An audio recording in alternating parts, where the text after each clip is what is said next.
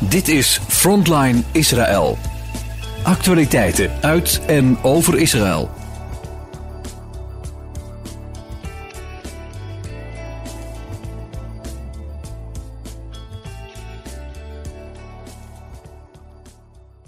Welkom luisteraars, fijn dat u luistert naar Frontline Israël. Vandaag ben ik in gesprek met uh, Braga Heinz. Uh, zij is uh, de vrouw van de rabbijn Heinz uit Utrecht. En fijn dat je er bent. En we gaan samen praten over jouw inzichten over ja, de huidige situatie in Israël. Kun je iets over jezelf vertellen, Braga? Ja, dat kan ik. zoals je zei, mijn naam is Braga Heinz. Ik ben 62. En ik woon sinds 1987 in Utrecht. En ja, mijn moeder, mijn beide ouders zijn overlevenden van de Holocaust. Mijn vader is in uh, Hamburg, komt uit Hamburg, maar toen Hitler aan de macht kwam, is zijn familie gevlucht naar Antwerpen. En mijn moeder komt uit Venlo en is gedurende de oorlog ondergedoken geweest op heel veel verschillende adressen in Nederland. Ja, Indrukwekkend wel. Um, nu is er een uh, oorlog aan de gang in Israël. Dat moet op jou ook gewoon heel heftig zijn. Voor jou ook heel heftig zijn. Ja, we zijn bezig al uh, jarenlang om uh, trauma's te verwerken. Mijn ouders, mijn generatie, mijn kinderen. En dat gaat zomaar door. We proberen te genezen en dan boem, komt dit op ons af. Dus welke kant dat op gaat, kunnen we nu nog niet zeggen, maar ik kan je wel vertellen dat mensen minder goed slapen, om het maar heel zachtjes uit te drukken. Ja, dat snap ik heel goed. En um, heb jij ook familie in Israël wonen op dit moment? Ik heb een zoon, die woont in Bet Shemesh en met zijn vrouw en zijn drie kinderen. En uh, ja, dus dat is uh, allemaal heel spannend, hoewel Bet Shemesh niet echt veel te verduren heeft gehad. Maar ja, uh, dat is allemaal natuurlijk betrekkelijk, want hoe ga je met sirenes om? Mijn schoondochter die blijft uh, naast de mama, dus naast zo'n safety room. Die gaat de deur gewoon niet uit met de kinderen. Zoon aan de andere kant is een beetje handig en die helpt allerlei mensen om hun safety room weer uh, op orde te krijgen, omdat die dus jarenlang gelukkig niet gebruikt was. en ineens gaat de deur niet dicht of het raam kan niet dicht, dus hij is uren en uren buiten zijn werk om bezig om mensen daarmee te helpen. Ik heb nu net gelezen dat er een nieuwe manier gevonden is om het echt goed te barricaderen. Dus ik denk dat hij nu weer in de weer gaat zijn om dat allemaal uh, voor de mensen te helpen om dat op te lossen. Oké, okay, dat wist ik helemaal. Ik wist helemaal niet dat uh, heel veel mensen ook misschien, want er zullen misschien meer zijn als hij, die de safety rooms niet helemaal op orde hebben. Of weet je dat niet zo? Nou kijk, het, eh, iedereen, elk appartement dat sinds niet welk jaar gebouwd is in Israël, heeft zo'n safety room. En uh, dat is gewoon één slaapkamer in het appartement. Um, waar de kinderen slapen of, of, of, de ouders slapen of wat dan ook. Het is tegelijkertijd een safety room. Dat zie je dus ook als je daar, ik heb daar gelogeerd bij mijn kinderen. En dan zie je dus ook een hele zware metalen deur en een extra buiten het ra gewone raam om nog een een heel dik uh, raam. Maar dat, dat zware en dat dikke, dat wordt amper gebruikt. Ineens is het nodig. Dus iedereen ineens, een heleboel mensen merken dat het gewoon niet functioneert. En ze zijn altijd handig, plus ze zijn in paniek. Dus uh, ja, de ene paralyseert en de andere die gaat juist ontzettend veel uh, dingen doen. Maar zoon gaat dus heel veel dingen doen. En ja, dat is zijn manier van het, van de, om de spanning te verwerken, zullen we maar zeggen. Ja, ja, dat snap ik. Ja. En hoe oud zijn zijn kinderen? Uh, hij heeft een zoon van uh, 15, bijna 15. En een dochter van 12. En nog een dochtertje van uh, 5 of 6 of zo. Ja, ja precies. Nog meer kleinkinderen, ik kan het niet meer bijhouden. nou ja, het is ook een zegen, zoveel kleinkinderen, denk ik. Ja, zeker. Ja. Ja, en dus ook ons antwoord. Uh, ja, de terroristen willen onze gezinnen uh, kapot maken en onze baby's vermoorden. En erger dan vermoorden. Ik heb nu weer de, uh, twee weken geleden is bij ons een kleinkind geboren. Dus dat is ons antwoord. Ja, En uh, hoe is dat voor jou om hier dan in Nederland te zijn als moeder en maar ook als Joodse vrouw? Nou, het is, de spanning zit heel hoog. In de eerste week van de, uh, toen de oorlog begon, uh, heb ik al meteen geprobeerd om een solidariteitsbijeenkomst te organiseren. Ik heb contact opgenomen met de burgemeester en met, met het kabinet van de burgemeester en het kabinet van de commissaris van de Koning hier in Utrecht. In de hoop dat ze enkele woorden zouden spreken en een ruimtebespreker zouden maken, maar dat wilden ze allebei niet. Maar wel, uh, ik heb dus de solidariteitsbijeenkomst dus uiteindelijk wel, heeft uiteindelijk wel plaatsgevonden. Uh, een aantal dagen later, zeg maar een week nadat de oorlog is begonnen, hadden de uh, ambassadeur van Israël was Carola Schouten, uh, vicepremier was er, enfin, nog andere hoogwaardigheidsbekleders. Maar de burgemeester heeft ons wel uitgenodigd voor een gesprek over de veiligheid. Dus de hoofdveiligheid, Utrecht was daarbij.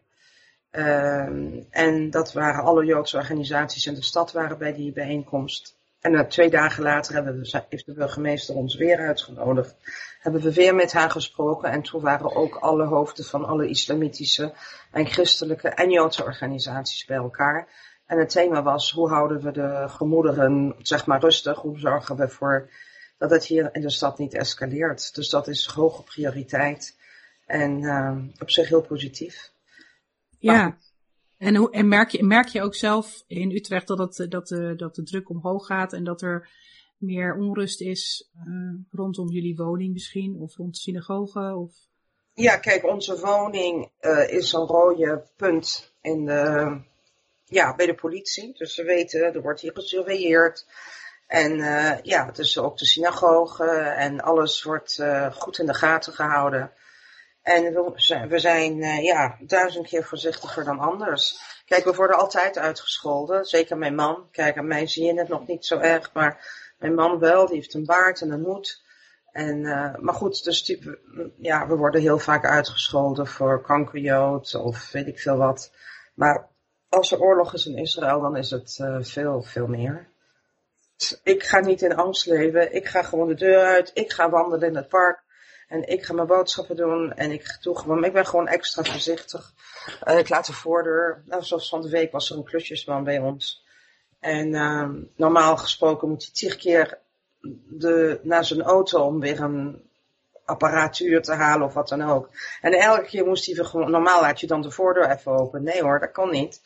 Dus elke keer moest die deur weer gewoon echt potdicht.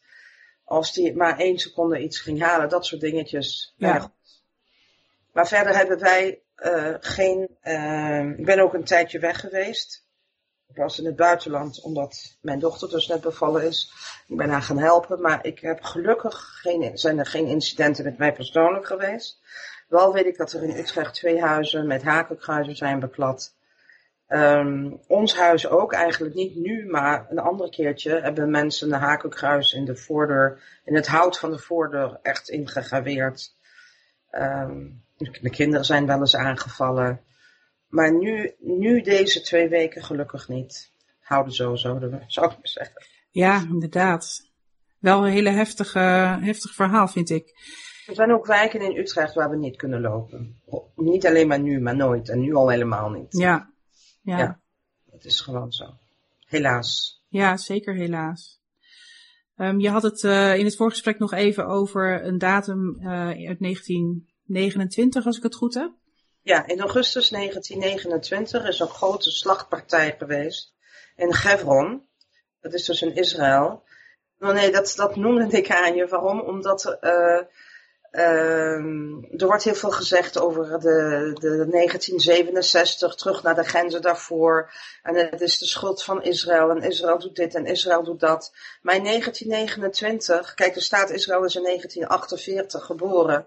Nou is het zo dat in de laatste 3000 jaar, meer dan 3000 jaar, altijd Joden in Israël hebben gewoond. En dat wij, dat dat ons land is, dat wij eruit gegooid zijn.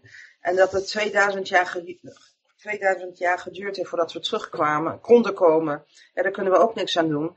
Maar feit is wel dat voordat de staat Israël in 1948 uh, een, een, een officieel als land uh, erkend werd, daar altijd Joden hebben gewoond. En zijn altijd aangevallen geweest.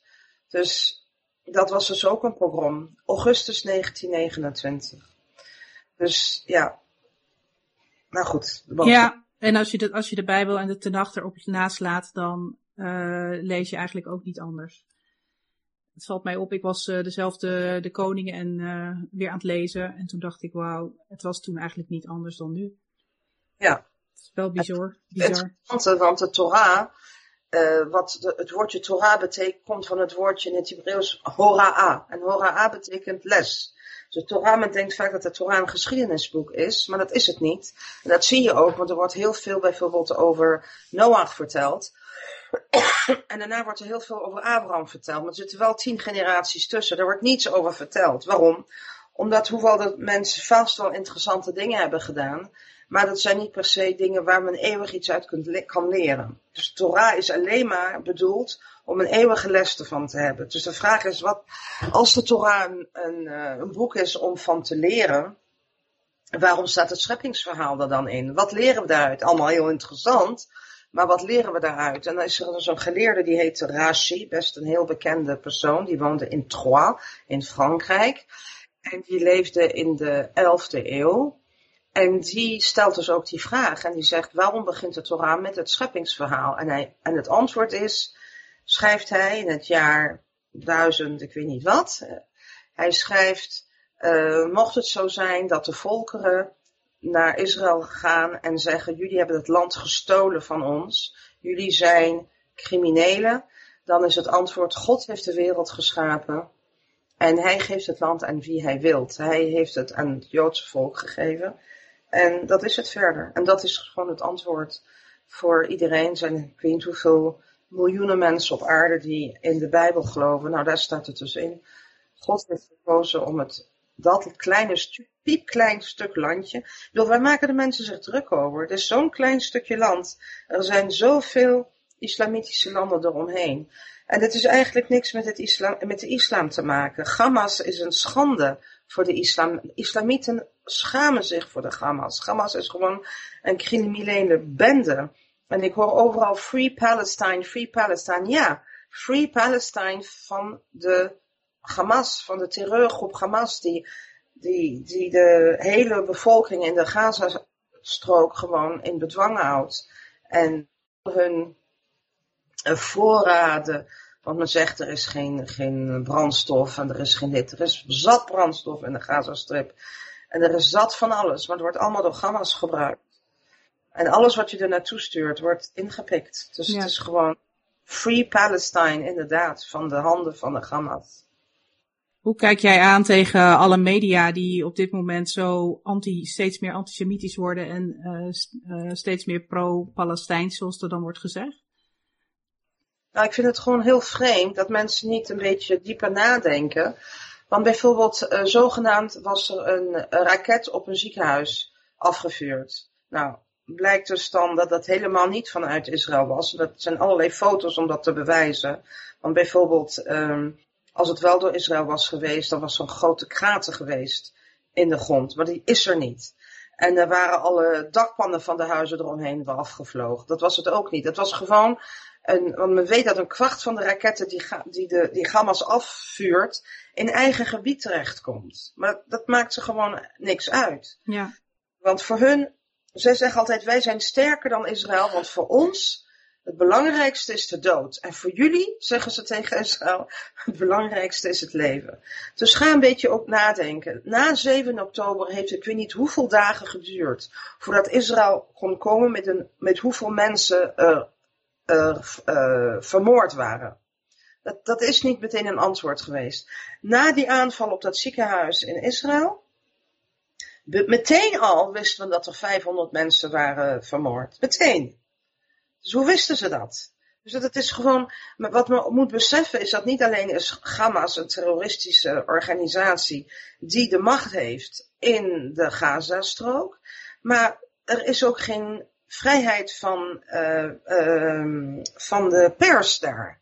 Dus die hele pers is ook in de handen van Gaza. Als, als, als je Gazaan bent en je wilt niet voor de camera vertellen alle leugens die Gaza zegt, die Hamas zegt die je moet vertellen, dan word je doodgeschoten. Dus de, de, uh, en, en nu net hebben ze dus ontdekt, heeft Israël nu net ontdekt dat er is een ziekenhuis, ik weet niet meer de naam, en het hoofdkwartier van Gamma zit in de, in de tunnels onder het ziekenhuis. Ja. Onbekend. Dus ja, uh, Hamas verbergt zijn uh, wapens en zijn kantoren in ziekenhuizen, in scholen, in, uh, ja, in, in, in appartementen. En dan kunnen ze de schuld geven aan Israël dat er, um, dat er burgers, dat er burgers overleden worden. Er, zijn, er is een, een, een telefoongesprek is opgevangen van een, iemand, een Gazaan, die vertelt dus in het, in het Arabisch dat hij probeert te vluchten, omdat zij weet dat de, Israël heeft gewaarschuwd, jullie moeten vluchten uit dit gebied. En, de, en hij wordt door Hamas tegengehouden. Hmm. Dus ja, en, en, en er wordt dus op de, op de televisie en de radio en waarom die zo antisemitisch zijn en waarom ze alles klakkeloos aannemen. Er is bijvoorbeeld een paar dagen geleden is er een aanval geweest op het ziekenhuis in Sderot in Israël. Mm -hmm. Met de NOS niks over vertellen. Ja. Dus het is heel eenzijdig. En waarom dat dan wel? Natuurlijk is er vrijheid van meningsuiting, vrijheid van de pers.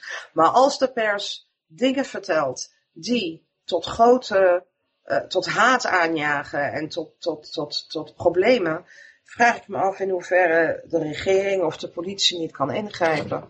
Want je mag dus niet op straat roepen, Uh, je mag niet met, met Hamas-vlaggen rondlopen en je mag niet al bepaalde dingen zeggen. Mm -hmm. Mag de pers alles, alles, zeg maar, scheef weergeven? Ja, ja ik ben het helemaal met je eens.